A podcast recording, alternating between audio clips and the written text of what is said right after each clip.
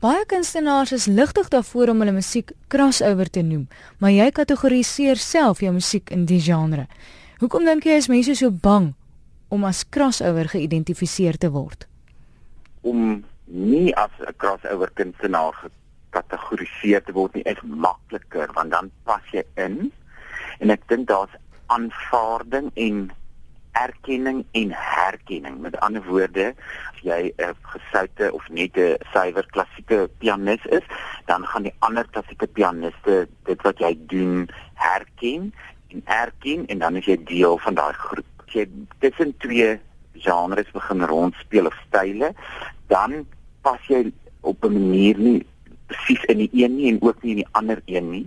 En dit is soms uh, vir mense en aardig om dit te begryp. So dit maak hulle bietjie te mekaar of hulle herken dit nie meer so direk soos 'n suiwer jazz of suiwer klassieke pianis nie.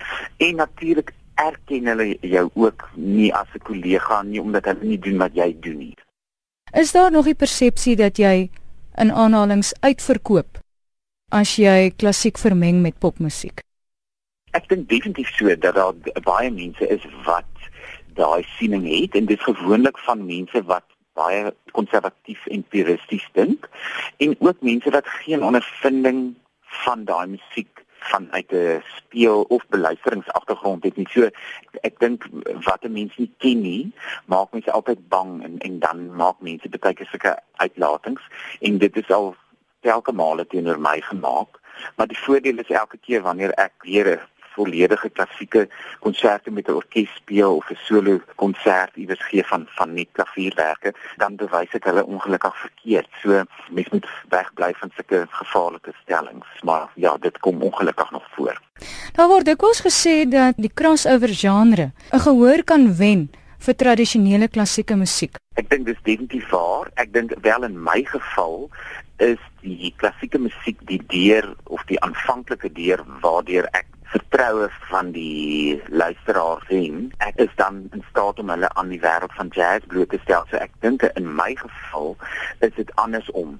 Jy my ervaring van die meeste Afrikaanse luisteraars is dat hulle liewer van klassieke musiek hou as van jazz. Hulle is bang vir jazz. Ek dink hulle assosiasie met jazz kom van musiek wat soms bietjie onverstaanbaar is of te modern of te wild.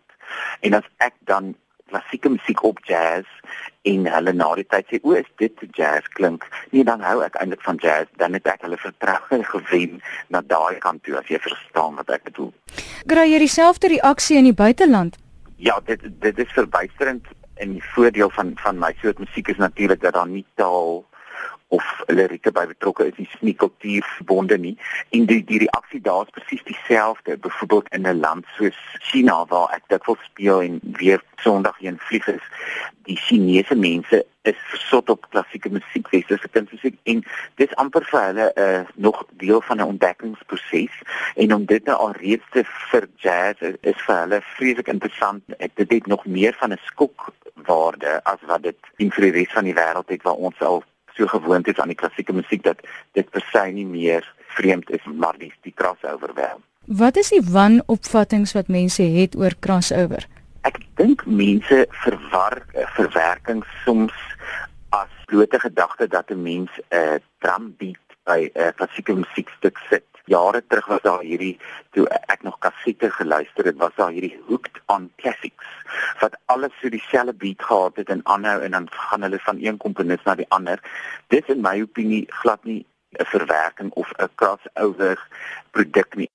Tog ja? dink ek het dit bygedra tot die denkwyse van klassiek en pop. Seker nee en, en jy weet ek dink so baie mense kan verstaan wat dit is maar jy weet dis 'n eie soortige projek gewees. Ek dink ek probeer altyd die integriteit van die oorspronklike stuk musiek hou maar iets daarmee doen nie dis en nie klink soos iets wat reeds bestaan nie. So om te verwerk en iets so abstrakt uh, bymekaar te sit dat die genot van die beluistering verlore gaan dan mis mens die punt. So ek, ek dink altyd daaraan hoe kan ek die integriteit van die oorspronklike musiek behou iets nie daarmee doen maar ook 'n luisteraar wat daarna luister die genot gee van om iets te herken en as hulle nie doen nie om dit net as 'n absolute nuwe ervaring te kan geniet. David Garrett, die crossover violist. Ja. Ja. Hy het gesê dat dit baie keer eintlik 'n besondere uitdaging is om bekende bestaande klassieke musiek te verwerk in 'n ander konteks en dat hy graag wil hê as 'n ander musikant na sy musiek kyk, ons sê maar hierdie is net so groot uitdaging soos Bach. Dit is definitief so en weer eens bring dit my terug na daai herkenning en erkenning.